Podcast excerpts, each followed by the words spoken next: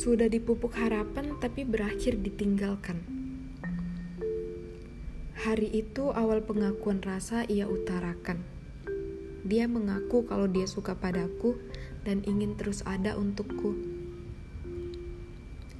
Maka dari itu, membuat pengakuan adalah satu-satunya cara agar keinginannya bisa dia wujudkan, katanya. Awalnya semua rasa sayang ditumpuk sebanyak-banyaknya. Semua janji terasa pasti dan tidak mungkin dia pergi. Sudah banyak mimpi yang dirancang bersama. Diam-diam aku mendoakan. Semoga jalan kita dipermudah untuk menyelesaikan mimpi ini. Loh, kok belum setengah jalan rencana kita sudah diselesaikan. Cuma karena bosan dan selisih paham, tiba-tiba ditinggalkan.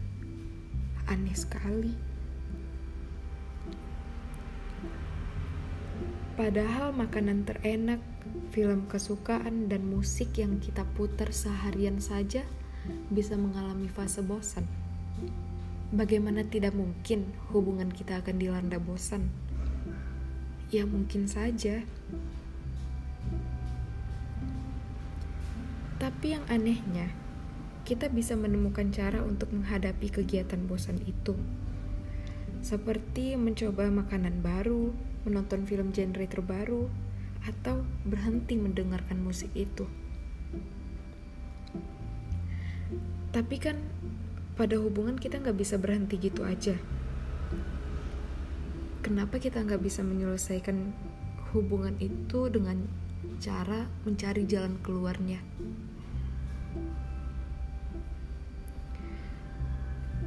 ego penyebabnya. Kita jadi lupa memikirkan solusi bagaimana jalan pulangnya. Ego bawa kita terlalu keras sehingga kita jadi malas untuk mencari apa penyebabnya. Tapi mau sampai kapan kita membiarkan ego terus-terusan mengambil peran? Bagaimana mimpi yang kita rencanakan?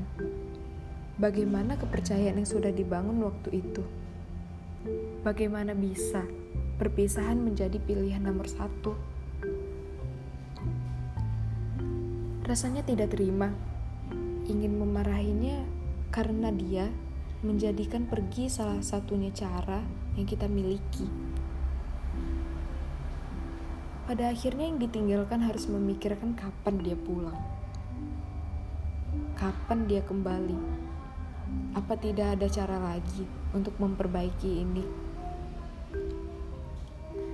Kenapa permasalahan tidak sempat dibicarakan dan kenapa? Harapan dipertontonkan sejak awal jika tiba-tiba harus kita hapuskan. Jadi sampai kapan? Kepergian menjadi satu-satunya cara untuk menyelesaikan hubungan tanpa pikir panjang.